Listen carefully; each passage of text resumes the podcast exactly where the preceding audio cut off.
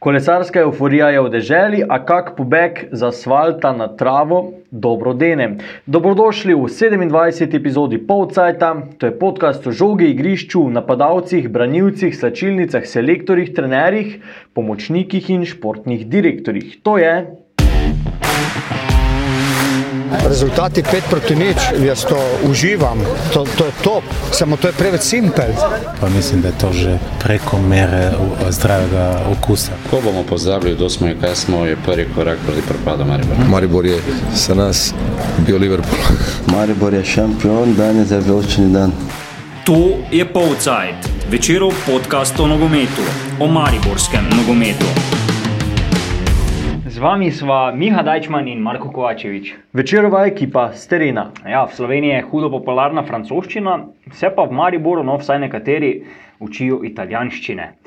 Mauro Camaronezi je preživel svoj debi v ljudskem vrtu, vijoličasti so s prvih dveh tekem pod novo komando odnesli štiri točke. In kaj se je spremenilo v Mariboru? Spremenilo se je marsikaj. Nekateri prej nedotakljivi nogometaši so zdaj preseljeni na tribuno. Eh, Novi trener se je vrnil, k, no, vrnil je znova postavil nogometaše v tisti eh, preteklosti najuspešnejši sistem vijoličastih eh, s postavitvijo 4-4-2. Uh, drugačen je režim treningov, precej drugačni so medijski nastopi, uh, tako da mm, kar nekaj detajlov, ki so drugačni, kot so bili recimo dva ali pa tri tedne nazaj. No, kdo so nogometaši, ki zdaj ne dobijo priložnosti? Seveda najbolj učiten je Luka Zahovič, ki je vseeno nekako najboljši strelec te generacije mariborskih nogometašev. Ne. Mislim, da je bil dvakrat prvi strelec lige, trikrat prvi strelec kluba in tako naprej. Uh, ki pod Maurom Kamoronezijem nima niti minute, uh, ne, ne samo na igrišču, ampak niti na klopi. Uh, Blaž Vrhovec uh, pobira nekako drobtinice le za recimo, tisti sodniški podaljšek. Uh, tekme proti celju je igral uh, Gregor Barde, Felipe Santos, ki mogoče že pri prejšnjih trenerjih nista bila ravno mm, najpogostejše izbire. Sta tudi uh, daleč od ekipe, pa mm, zanimivo, ne? novinec uh, Jan Repas, mislim, da so tukaj tudi zraven težave s poškodbami. Uh, še vedno čaka recimo, na svoj prvi uradni nastop eh, pod uh, novim trenerjem. Um, sistem si rekel, da ostaja, oziroma ja, se ni spremenil v zadju, spredaj nekaj sprememb. Um, Marko Stavares je začel prvo uradno tekmo pod Kamoranezijem, pa to mesto potem izgubil. Ne? Ja, čeprav Maroko Melžnezi pravi, da to nič ne pomeni, ne, da eh, tudi ko govori o Luki Zahoviču in ostalih nogometaših, da odločajo treningi in da se on sam odloča, da če je nekdo igral eno tekmo, ne pomeni, da ne bo igral druge in obratno. Ne. Um, ja, Marko Tavares je tudi bil, oziroma ja, Marko, prav sem rekel, tako ga tako je novi trener večkrat poklical med tekmo. Um, tudi nekakšen most med klopjo in pa igriščem. Ne? Veliko ste se pogovarjali, večkrat ga je poklical k sebi, no, pogo veliko pogovarjala. Uh, to je mogoče malo pre, premočna beseda, ampak kar nekaj tako napotkov je usmeril uh, kapetanu, novi trener. Uh, potem pa je preizkušal še druge rešitve, ne? verjetno tudi temu botrovalo, da je bil uh, Jan Mlakar po tisti poškodbici ali pa poškodbi na začetku sezone že optimalno pripravljen in je začel od prve minute na tekmi proti celju. Ampak vseeno se zdi, da takšnega rotiranja, kot pa je bilo pod Jakirovičem, zdaj ni, ne, ne, ne menja popolnoma. Ne, če sem prav preš, preštel, sta bili v prvi enajsterici v bistvu dve ali pa pogojno rečeno tri spremembe. Ne. Eh, Na tekmi z Bravom je na desni strani obrambe začel Martin Milec, ki se je potem poškodoval na v bistvu ogrevanju oziroma zadnjem treningu pred, eh, pred tekmo s celjem. In ga jasno v ekipi ni bilo. Eh, Proti Bravo je na levi strani obrambe začel Denis Klinar, ki je potem se proti celju predstavil na tisto svojo, vendarle močnejšo uh, desno stran, in na levo se je vrnil uh, Mitja Viler. Uh, v napadu, pa kot si že omenil, na prvi tekmi ob Jasminu Mešanoviču začel Marko Stavares, uh, zdaj na drugi proti celju pa uh, Jan Lakar. V, na tekmi proti celju, ne, ko v bistvu začetek tekme ni bil najbolj spodoben, um, je potem v drugem polčasu nekaj dodatne energije prenesel tudi roko na veter, mu pa še ta vloga. Uh, Obs, mislim, verjetno ni rok najbolj zadovoljen, ne, da prihaja v igro s klopi, oziroma da nima, da nima stalne pozicije na terenu, uh, ampak je pa res vrhunsko izkoristil tiste minute. Ne, tri minute je bil na igrišču, pa dosegel res spektakularen gol s škaricami. Uh, tako da ja. Oziroma, bomo rekli tako, da je Kamoranezi zelo dobro uporabil. Ne? Mogoče bi si kronometer seveda želel, da igra od prve na srce. Je, je pa tu v, ravno v tej spremembi sistema mogoče ravno uh, nekdani nogometaš železničarja najbolj izvisel. Ne? Kot nekega tistega centralnega, skoraj da defensivnega vezista, si ga mogoče ne predstavljamo, uh, spet pa ni tisti klasični napadalec, ne? ampak ga pa Kamoranezi vidi predvsem v tem delu moštva, ne? kot nekakšen uh, backup špica ali pa recimo tisti, ki igra.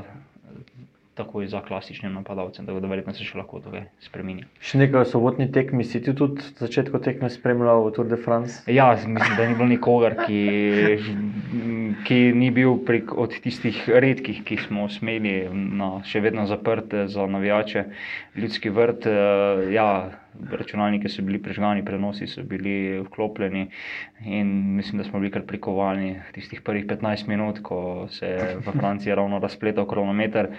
Uh, da, ja. uh, sem pa ravno začel gledati v trenutku, ko je tedaj Pogačar prehitev, uh, kaj je bil ta, ta drugi Lopes. Uh, izostane, ne, se pravi, Ne, da je bilo nekako jasno, da bo Slovenec uh, osvojil Tour de France s kateri koli moment, tako da bo res v bistvu užitek spremljati te zaključne uh, metre, kilometre na poti do vsekakor zgodovinskega uspeha. Ampak za, za slovenski šport. Glede na igro Maribora v tistih trenutkih je bilo boljše gledati. Uh...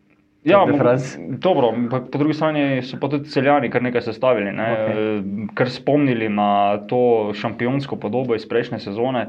Uh, so pa počakali, recimo s prvim golom, da si je Pogačer že oblekel rumeno majico in potem Mitja Lotrič natančno zaključil, tako da se je kar do, dobro sestavili. No? To, to treba priznati. Ampak Mitja Viler je dal potek mi vedeti, ne, da tudi oni niso. Uh popolnoma skoncentrirani samo na, na nogomet, ne pretekmo se s sodnikom, če se ne motim, pogovarjal. E, tako, kakšna je situacija na Turu. Ja. okay. e, in takrat mislim, to... da je že ravno, da je Rogličeva prednost že skupnela in je bilo nekako se nakazovalo, da bo. Ne. Kaj misliš, da bi Kamoranezi rekel na to, če bi zvedel, da se je Viler v tem pogovarjal ja, s sodnikom? Ampak mislim, da je bilo zelo tako prijateljsko. No, tako bilo, A, okay. je, je pa dejansko je pa zgledalo, no, kot da nogometaši Maribora tudi bolj poslušajo te zvoke z tribun. Ne, kot sem že prej rekel, blizu prenosi vklopljeni ne, in se je slišalo komentatorje nacionalne televizije. Tako da so mogoče malo poslušali, ne, kako se je razpletel Tour de France, potem ko do konca pa dejansko začeli igrati in si pripravili nekaj priložnosti. Uh, potem v drugem polčasu zadeli dvakrat. Okay, tekma je zopet potekala brez gledalcev, Maribor je zdaj eden redkih, če ne celo edini v prvi ligi, brez eh, navijača na stadionu. Ja, Je pa ne navadno, da je bil en kamaribor po tekmi, oziroma ravno danes eh, je prišel zapisnik disciplinskega sodnika, eh, kaznovan zaradi navijačev. Ja, eh, pakla se je znašla na igrišču, ker povsem brez navijačev, vendar le ni bilo, ne, tako kot že na tisti tekmi proti Bravo, pa še prej proti Kolorenu in podobno. Uh, so viole vseeno prišle, uh, ne na stadion, ampak ob stadion, tam na tisto gradbišče za staro tribuno. Uh, Eh, pojavili so se ravno v teh trenutkih, ko je uh, v bistvu celje povedlo z 2 proti 1, pa potem takoj hitro izenačenje z tistimi spektakularnimi škaricami, roka krona vetra in to so viole pospremile z ognjemetom. Eh, potem pa tudi uh, ena bakla priletela na, na igrišče, in ja, to bo za klub 400 eh, evrov kazni, na tekmi brez gledalcev, kazni zaradi, zaradi navijačev. Mislim, da kaj takšnega. Ne vem, če smo že doživeli no, v, v slovenski prvi. To, to bi bilo za pogubljati, ja. um, zanimivo. Okay, um, še ena sprememba se dogaja v ljudskem vrtu. Ne? jutranji treningi. Na Instagramu smo opazili posnetek Marka Tavaresa, ki bi se pokazal, da je ta prostor, kjer smo mi um, upravljali prej naloge ne, na medijskih terminih, je zdaj namenjen za skupne zajtrke.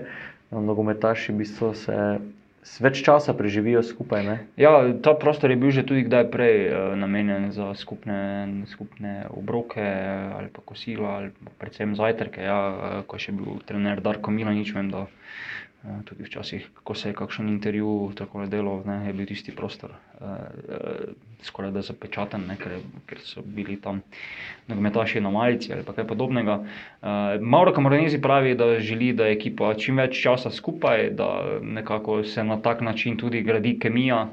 Uh, se pravi, od uh, teh obedovanj do nekih družen, analiz in pa seveda samega dela na treningih. Uh, obvezna so zdaj postala tehtanja v ljudskem vrtu, torej uh, Mauro Kamoranezi že pred samim treningom preveri, kako dobro je kdo pripravljen in bojda, če ne pokaže tam pravi številk, uh, je trening po nekem posebnem režimu, ne pa tisti ekipni. Wow. Da, Kaj bi to lahko pomenilo, kaj, da moraš iti na pohorje? ja, ne, ne, to zdaj ne vem, ampak ja, mogoče pa ne bi bilo slabo. Ja. Čeprav to je tudi užitek, pa za Instagram je lepo, če greš na pohorje. Ja, nekaj manj časa, recimo okay. 90 minutah na pohorje in nazaj. Pa neki dokaz z vrha prinesel. ja, ampak verjetno je kazen, vseeno neka kazen mora biti, če je preveč kilogramov. Mm, ja, probali se bomo spraviti v prostore, moče gledati na to zajtrk, da vidimo, kako se zdravo je v ljudskem vrtu. tako. Uh, ja, eh, priznavajo pa nogometaši, da so treningi, vsaj ti začetni z Markom Arnezijem, kar precej posvečeni tudi neki fizični pripravi, uh, spremljajo podatke, ki jim kažejo ti merilniki. Rec, tudi Mitja Viler je, je dejal, da sama kilometrina, koliko pretečejo, ni slaba, da jim pa manjka teh nekih intenzivnih sprintov, te neke intenzitete eh, teh eh, prvin modernega nogometa. No, tako da zdaj je, mislim, da je prva naloga Maura Kamoranezija, tam do reprezentančnega premora, da, da ekipo spravi spet na, na te obrate. Um, Po kateri je bila nekoč že znana, ne Maribor je dosti krat zmagoval na, na fiziko, zdaj pa je mogoče tudi kakšno točko zar, prav zaradi fizike izgubil. Veliko smo se že pogovarjali v teh tednih o jeziku v garderobi in na igrišču ob njem, eh, kaj novega. Zdaj pravijo, ko, nekako, ko tudi sami spoznavamo Maura Kamoranezija v medijskih nastopih, eh, ni ravno človek, ki bi na veliko razpredal, razlagal, govoril. Eh, ne, res eh, kratki, jasni odgovori, usmerjeni. Eh, no, to je znova ena stvar, ki je omenil Mitja Viler, eh, in da ne dela nekih litanij eh, in strašnih motivacijskih govorov v slačilnici, da recimo med tednom sploh slačilnice ne obišče, ampak da je zgolj kakšen eh, stavek, dva na treningih in toliko znajo italijansko, da razumejo, če pa treba, je pa tam uh, trener vratarjev Mitja Pirih, ki zna to prevesti. Ne, in pa ne na zadnje zna pa tudi uh, Mauro Kamoranezi že vsaj kakšno to nogometno besedo uh, po slovensko ali pa v jeziku kakšne nam bližnje republike. Uh, povedati. Najboljše pa je, eh, da kar še enkrat o tej komunikaciji sami, kako je v tej, vprašamo, Mitijo Vilerja, no? ne bomo ga jaz vprašal, vprašal si ga ti, Mi, eh, Miha, na, na intervjuju, tako da prisluhnimo, kaj ti je povedal. Koliko vas je v ekipi, ki govorite italijansko, koliko ste imeli zdaj vi naloge v teh dneh, da mogoče malo pomagate? Ali... Pa ja, trener je želel, da malo pomagamo, vsako razlikašno vajo, ampak na koncu je to nogometni jezik. To pokaže že s prsti dva dotika in dotik, vse se vidi, mi, mislim, nismo mi tako glupi, kot bi nas neka javnost tretirala, ponavadi, ja, da nogometaši so glupi. Nekaj že razumeš, tudi ti, tebi je cilj, če hočeš čim prej razumeti to je tebi cilj, da se čim bolj to potrdiš, mi tukaj pomagamo, koliko so, ampak vse vidiš. Po dveh minutah že vsak razume, kakšna vaja se gre in ni to spet neka umetnost. Če pa res do ne bi razumel, bi že se trener v nekem jeziku potrudil, da ti pove. Ne? Da ipak igralce rabiš, igralci igrajo na igrišču, tako da bo sigurno vsi naredili, da igralci razumejo. Predtem, ko bomo spremljali slovenske klube, slovenska kluba v Evropi, še mogoče pogled samo v nadaljevanje prvenstva, um, kaj pričakuješ zdaj. Pomembno gostovanje za Maribor na Krasu, ne, kjer, je, kjer so bile za Maribor zdaj dvakrat težave. Potem pa že takoj derbi. Tako eh, zanimiv razpored, ampak eh, vse razpored v slovenski ligi je vedno zanimiv, ko imaš deset klubov, slej ko prej naletiš na vsakega, je pa zdaj res eh, po tem nekem dvojčku domačih preizkušenj. Uh, prišel čas še za uh, eno malce daljše gostovanje. Uh, Mauro Kamoranezi se vrača na kras, eh, priznava, da bo to za njega posebna tekma, ne vrnitev k klubu, ki ga je nekako eh, postavil na slovenski, ne samo slovenski, v bistvu evropski nogometni zemljevid, eh, vse kar se. No, Ne, nogometni, trenerski, seveda, malo komornizi je vendar le, mogoče že bil kakšnemu ljubitelju nogometa znan prej, pa šel trener. tabora iz Sežane. ne. E, tako da ja, je pa dejal, ne, pa jasno zatrdil, da, da, bo, da bo posebno vse do prvega sodnikovega žvižga, ne, ker potem, ko se pa začne tekmo, pa seveda želi zmagati in želi, da zmaga njegova ekipa. Da, uh, posebno, pa ne posebno. Ne, to je tako spet en tak mogoče unikum, ki smo pa v nogometu očitno navajeni več kot dovolj. Bistvo tabor je začel z novim trenerjem mešano, ne? um, pozitivni, negativni. Uh, E, ja, pač po zmagi, kar v bistvu visok poraz eh, proti Domžalam, uh, Goran Stankovič, torej novi trener tabora, je, je nakazal, da, da, da, da bo mogoče pod njegovo, njegovo taktirko vseeno drugače, kot je bilo pod Maurom Kovanezijem, ki je bolj stajal na neko kompaktnost, pa potem tiste hitre proti napade. Ne, da, Uh, Zasledil sem en intervju, ko je nov trener dejal, da kdo me pozna, ve, da želim igrati napadalni nogomet. Tako da bomo videli, kako se bo to sestavilo v uh, tem delu primorske, na nekem drugem delu primorske se mogoče ta napadalna igra ni najbolj obrestovala. Po Sergeju Kiroviču smo dobili še eno trenersko žrtev v prvi ligi, Bori Voje Lučič ni več trener Gorice, pa vrtnice imajo pač po treh krogih, okroglih nič točk. Tako da to, potem pa seveda derbi, ne, derbi pa. Ja, Da ne bomo zdaj ponavljali floskol, eh, ampak vsekakor je posebna tekma, ne tudi če bi zdaj prišli po sicer petih krogih nemogočih 20 točk razlike na lestvici, ne, v- bi bil ravno tako poseben derbi. Ja, to, bo, to bosta v bistvu zelo pomembni tekmi za Maribor. Ne? Prva, torej to gostovanje, kjer so zdaj dvakrat zapored ubili 4 proti 1. Uh, torej velik test tudi za Kamoranezija, ki pa vseeno Sežano in ekipo dobro pozna. Potem pa derbi z Olimpijo, ki je v tem trenutku zelo nizko na lestvici, z le uh, dvema osvojenima točkama, če se ne motim, kar je za, za Dina Skenderja uh, kar velik problem. Tako, eh, S tekmo manj, sicer to je treba dodati, ampak eh, ja, v bistvu tista tekma je res, bo marsikaj povedala eh, o, tudi o razpletu eh, prvenstva za naprej. Ne na zadnje se bi lahko recimo Olimpija z zmago v Ljudskem vrtu precej dvignila, eh, mogoče ne toliko po lestvici kot z nekim. Neko samozavestjo, z eh, nekim ekipnim duhom, po drugi strani pa lahko Maribor dobi potrditev, da to, kaj dela zdaj, da daje rezultate, da daje boljše rezultate, kot je dal način dela. In ni nujno, da bo Olimpija na to tekmo prišla s trenerjem, ki ga ima trenutno. ne. Slovenske vrste v Evropi so se zrečile. Po Mariboru je iz kvalifikacij za Evropsko ligo izpadla še Olimpija, v podaljšku je zlomil stari znanec iz Ljudskega vrta, Zrinski iz Mostarja. Nič bolje ne gre v slovenski ligi, Miha, to si že tudi omenil.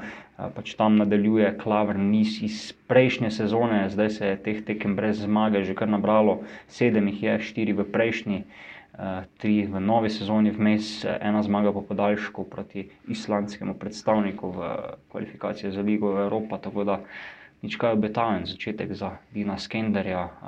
Danes je torek, ura je 15 in 11 minut, in trenutno uh, 38-letni Hrvat je še trener Olimpije. Danes teče 95. dan, to sem včeraj videl na um, Twitter profilu Jureta Bohoriča, ki za ekipo spremlja Olimpijo.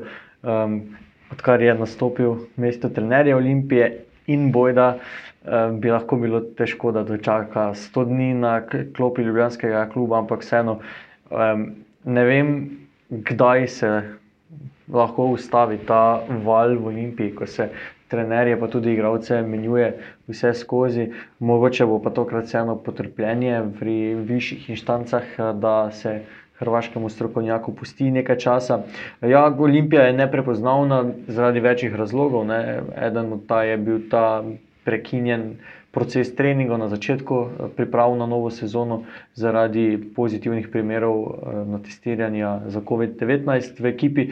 Pa seveda zaradi množičnih menjav, odšli so nosilci igre, nekaj jih je ostalo, prišli so novi nogometaši, ki slovenske lige in slovenskega nogometa ne poznajo, nekateri zelo nepreizkušeni, oziroma neznani, ne, številni govorijo o tem, da bi lahko Olimpija v vlastnih vrstah našla vsaj podobne, če ne boljše nogometaše ali pa tudi po slovenski ligi, ne, kot pa tujce, ki.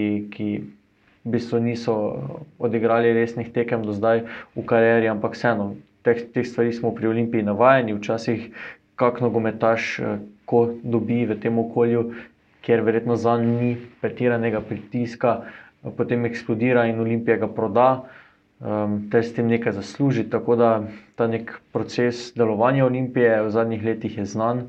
Um, dosti krat pa potem na mesto nekih drugih uh, odločitev sprejmejo pri Ljubljanskem klubu odločitev, da je zamenjan trener. In to se lahko ponovi, kaj kmalo. Ja, ta modus operandi v Stožicah je mogoče težko pojasnljiv, ampak smo se ga v teh petih letih, odkar je glavno besedo v Olimpiji drži Milan Mandarič, navadili, tako da nas praktično že nič ne preseneti. Mogoče je zanimivo, ne, da, da dejansko najboljša poteza Olimpije med sezonama ali pa v bistvu v tem prestopnem roku je bila hkrati tudi zelo, je pokazala, kaj vse je narobe z Olimpijo. Ne. Čestitke mlademu Rudoni, da je v ekipo vrnil Andresa Mombrgarja, ampak v bistvu, da en dan po podpisu pogodbe brez pravega treninga, potem takoj že postane prvi napadalec za evropsko tekmo, to pa je dejansko marsikaj pove o ekipi, v katero je prišel. No, seveda, Andres si zasluži minute, zasluži si, da igra dobro, ampak ne, je pa vseeno malo smešno, da v bistvu kar izletala v začetno enajsterico. Veš, veš, kaj je možno? Zato, ker eden tistih, ki dobro pozna Olimpijo in dejansko je lahko sodeloval in na novinarski konferenci in dejansko je lahko usmerjal svoje soigralce, ki jih sicer ni poznal, ampak vseeno je bil v Olimpiji nekaj časa. Ne. Zdaj, kakšna zmeda vlada v Olimpiji? Recimo... Koliko, koliko še igralcev, s katerimi je Vombrgar igral v Olimpiji? Ah. Zdaj, dobro, vrnil se je Vidmar, ki je, ja, ki je pač nekje na Sanskem tiru. Uh, dobro, vrnil se je Fink, pa ne vem, pa Kapun, samo Kapun, ne vem, če, seveda, če je bil zdrav takrat, ko je. Ni igralcev. Je to, ne. Pa dobro, pa, pa, pa ni šel Vombrgar v Rusijo pred desetimi Ja, leti, ampak je šel ampak pred letom, letom pa pol. ja. Tako. Um, ja, recimo tudi to, ne, da recimo Samržič po tem, ko je v nedeljo proti Aluminiju v zadnji minuti dobil rdeči karton, ni vedel, komu naj preda kapetanski trak. ker, eh, ja, pač to so take stvari, ki, ki jih Olimpija kot klub s tradicijo, ampak ki je bil klub s tradicijo, um, si ne bi smela dovoliti, ampak se dogajajo. Mm, Žal ne, sta dva slovenska kluba zdaj izpadla iz tega boja za evropske koeficiente in za evropski denar. Um, mislim, da je bil Zrinski za Olimpijo premagljiv, predvsem zato, ker je Olimpija imela prednost na tekmi, pa potem prepustila res prelahke zadetke um, bosanskim predstavnikom v evropskih tekmovanjih. Tako da še, ena, še en žalosten začetek uh, nove sezone. Ne. Ja, dejansko sta kluba, od katerih se je mogoče pričakovalo največ na tej evropski fronti, ki kakorkoli obrnemo, imata tudi v zadnjih letih največ izkušenj iz teh tekmovanj. Uh, pomaga, pokazala najmanj, v Mariboru so hitro reagirali, v Olimpiji pa še očitno, ura je zdaj 15, 17, eh, še vedno čakajo. Jaz si preveril na spletno stran od kluba, preveri na spletno stran od kluba, ta cajt, pa mogoče še nekaj besed o pozitivni Tako, zgodbi. Mislil sem ravno nakazati, da je precej boljše, pa, pa gre v severovzhodnem delu Slovenije eh, predstavniku uh, Muri. Predstavniku Prekomorja, Republike Prekomorja. Eh, Prekmorci so na vrhu lestvice, eh, zanesljivo. Prebili so se do tretjega kroga kvalifikacij za Evropsko ligo, na šestih tekmah v novi sezoni pa niso dobili niti enega gola za nagrado. Jih v četrtek na Fazeniri čaka dvoboj z nizozemskim velikanom PSV. Tako, pa ne bomo rekli samo nagrada, zakaj pa ne bi mora še tukaj presenetila. Ne? Ja, Mura zgleda odlično. Ker Če kdo, sezone. če kdo je v tej sezoni res mora postala zastavonoša slovenskega nogometa, ne? lestvica to kaže, pa ne na zadnje dosežki v Evropi to kažejo. Ja, vprašal sem po tem eh, napredovanju po Arhusu, eh, Anteja Šimunčo, če lahko vleče usporednice s kakšno njegovo prejšnjo nogometno zgodbo, ko je kot eh, outsider eh, tekmoval ali vodil Maribor, pa potem presenetil. In je rekel, da zgodb, seveda, sporednic ne more vleči, lahko pa svoje izkušnje prenese na ekipo, ki sicer v Evropi nima veliko tekem, je pa zaradi odličnega začetka nove sezone eh, motivirana, zelo samozavestna in očitno ima zaupanje v Anteja Šimunčo, ker eh, vidi se na teh tekmah, ne, da so igralci zelo disciplinirani, da se kljub temu, da nekateri radi igrajo ofenzivno, postavijo tudi nazaj, takrat, ko je potrebno, in garajo tiste minute, ko, ko je nasprotnik boljši. Tudi danci so bili na trenutke, recimo, boljši v Murski soboti. Pa so, pa so potem v, z nekaj potezah, z protinapadom ali pa z veliko koncentracije, Muraši potem um, tekmo preobrnili v svoj prid. Ne, sej tehnično Danci recimo, niso bili nič boljši od uh, slovenskih pokalnih prvakov, so pa zato bili um, v bistvu Muraši tisti, ki so zadeli na tekmi in zanesljivo, v bistvu skar 3 proti nič prišli v tretji krok. Muri se, mislim, da res pozna, da, da je tako, no, bomo rekli, kar že zdaj dolgo progašne. Da v bistvu to ni projekt, ki je se začel z začetkom te sezone. Ne. To je projekt, ki traja že kar nekaj časa. Od 2015. Iz, eh, recimo, iz tretje lige. Iz tretje lige, ampak če se omejimo samo na obdobje z Antejem Šimunčo, ne, Ja. ko so potem tudi se spostavila tista prva naveza z, z Mariborom, ko so kar nekaj igralcev iz odpravljene B ekip- ekipe eh, poslali na Fazenerijo. Uh, tako da ja, ta ekipa, jedro te ekipe je že kar nekaj časa skupaj uh, in kaj zmorejo ti nogometaši, je recimo jasno nakazal Nino Kouter, ki je bil v slovenski reprezentanci, ki vseeno naj bi bila nekaj nivoja nad uh, slovensko nogometno ligo. Uh, Pokazal, da, da se da igrati, da so igralci v prvi ligi eh, lahko pomemben člen tudi eh, na tem reprezentančnem nivoju. Tako da eh, mogoče ni zdaj te individualne kvalitete toliko, da bi govorili o superzvezdnikih svetovnega nogometa, ampak je, je pa dovolj, da se lahko vse to skupaj sestavi v eno res super ekipo, ki lahko marsikaj naredi, eh, tako na domači kot na evropski fronti. Ne. Tako v preteklosti, ko smo govorili o tem, da Maribor nima zdaj najboljše ekipe, pa je potem posegal po Ligi prvakov um, z v bistvu igralci, ki nekateri so šli v tujino, pa se potem niso izkazali. Ne. Tudi v tem primeru gre za ekipo, ki, ki dosega maksimum.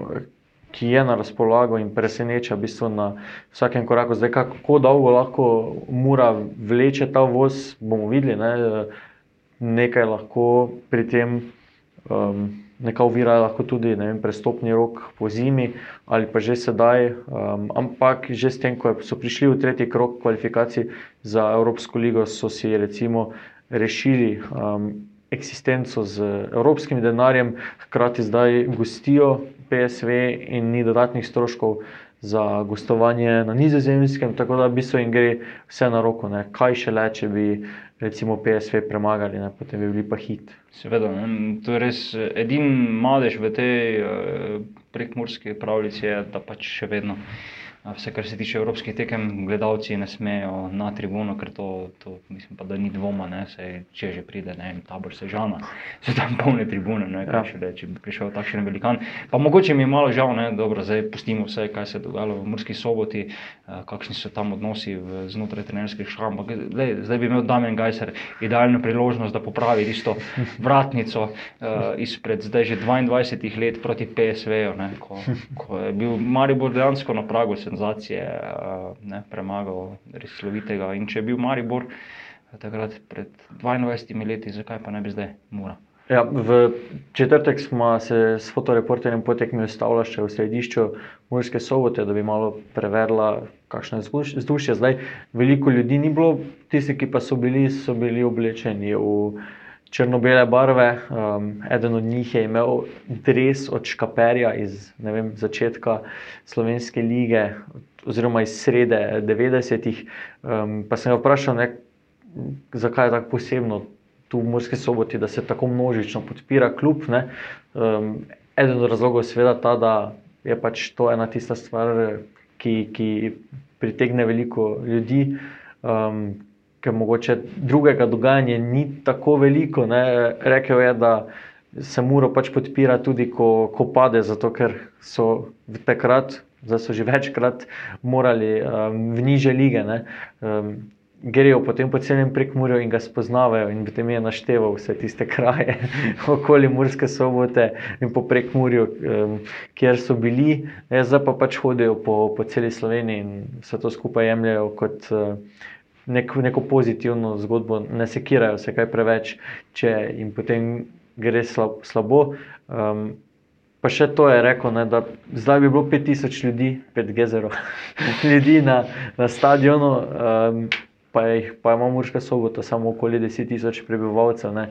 Je rekel, da pač, če bi bila ta ljubezen, recimo, nogometa v Ljubljani, potem bi um, zagotovo bila Olimpija veliko bolj močna. Ja, potem bi bil mogoče. Uh kot ljubljanski Vembli, že premalo. Ja, no, pač polovico prebivalstva glavnega mesta prišlo na tekmo. Malo smo se minili. Sej, to je zdaj, kakšne so realne cifre, pol v teh primerih je težko reči, ampak vseeno, res gojijo neko ljubezen do do Mure. Zdaj na vzhod, ampak precej dlje kot pa do Murske sobote, uh, grejo pa aktualni državni prvaki, nogometaši celja, gostujejo v Jerevanu proti v bistvu novemu klubu leta 2017, ustanovljenemu Ararat. Armeniji, prav tako v tretjem krogu kvalifikacij za Evropsko ligo, ampak v tisti Champions 5 ali kako no, pa pač po izpadu iz kvalifikacij za, za Ligo prvako. Spet ne bomo rekli, da je to tekmec, bi se, pred katerim bi bilo treba trepetati. Ne. Jaz mislim, da, da je ta rezultat mure, mure, celja v ljudskem vrtu pripomogel k temu, da bodo v četrtek nekoliko bolj samozavestno stopili v tekmo.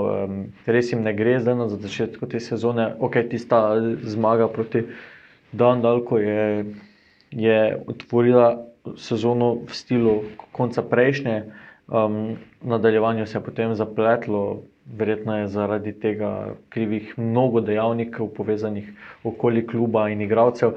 Um, bi pa recimo celjanom vseeno privoščil napredovanje, ker je Ararat, eh, vsaj sodeč po zadnjih rezultatih te ekipe, um, res tekmec, ki bi ga lahko premagali.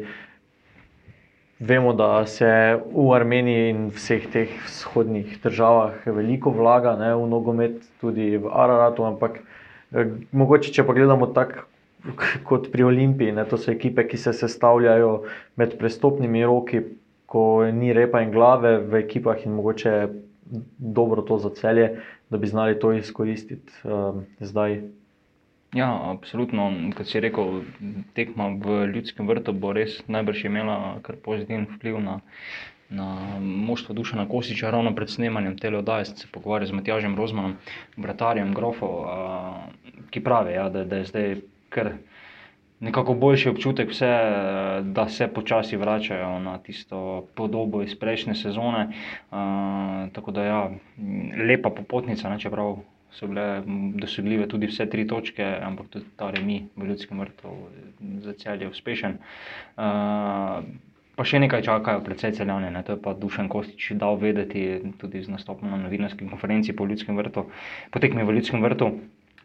Um, tisti 4. oktober, ne, ko se bo v večini nogometnih lig po Evropi uh, zaključil prestopni rok, to je v bistvu kar en datum, ki ga ima kar verjetno na veliko o, obkroženega na areni zdržele v celju, ne, da potem vsi nogometaši tudi nekako ščistijo glave, da niso več eh, z mislimi kje druge, ampak dejansko na igrišču in v dresu uh, rumeno-modrega kluba. Čeprav tudi na tisti dan eh, lahko eh, dobi sive lasene, če kdo ne bo šel, pa bo nezadovoljen, stal v celju. Um, če bi napredovali ne, proti Armencem, um, bo tudi praznik v celju. Ne, um, čakal bi jih, jih bo, upajmo, dvoboj z Crveno zvezdo. Ja, absolutno. In kot smo se pogovarjali uh, z novinarskimi kolegi, zadnjič uh, po tekmi, uh, Maribor celje, stot, po mojem se stotič vračamo k stotemu štarskemu derbi. Uh, uh, da je v bistvu to za, za, za celje kar ugoden žreb, no? da mm, ravno Crvena zvezda je mogoče lahko pride v Slovenijo, uh, deželo smučarjev, dovolj nonšalantna in pa z tisto neko mero podcenjevalnosti, da bi to lahko naši predstavniki znali izkoristiti, ampak to seveda so ugibanja. Ampak Ja, ampak do, te- do takrat bo še treba odigrati minute v Armeniji. pa preleteti kar nekaj kilometrov. Ja. Ja. Mogoče poslušalci vidite, tudi pri nas je sezona še mlada, pa se še malo igravamo, pa mogoče vsaka podaja ne gre čisto tako. Se odbijemo. Okay. Samo če bi hoteli menjati trenerja, kdo bi bil. Ne, ne razmišljati. K tokratni zbirki zgodb in zgodb z domačih igrišč in drugih nogometnih prizorišč bova pristavila piko. Mogoče je že res čas za to. Novo pošiljko boste našli v 28. epizodi Povceta, ko bo že znano, kako uspeva spoznavanje v ljudskem vrtu in kako daleč sta v Evropi prilezla celje in mura. Naslišanje čez dva tedna. Berite večer in obiščite večer.com pošiljnica sport, zavrtite pa si tudi kakšno od prejšnjih epizod Povcajta ali drugih podkastov iz večerove podcastarne. Najdete nas na SoundCloudu in na vseh mobilnih aplikacijah, ki mm, ponujajo podkaste. Zdravo, Srečno. tri, štiri, Šmarje! ne, drugače, no, dobro. Tem pa če kako kungota. Srečno. Zdravo.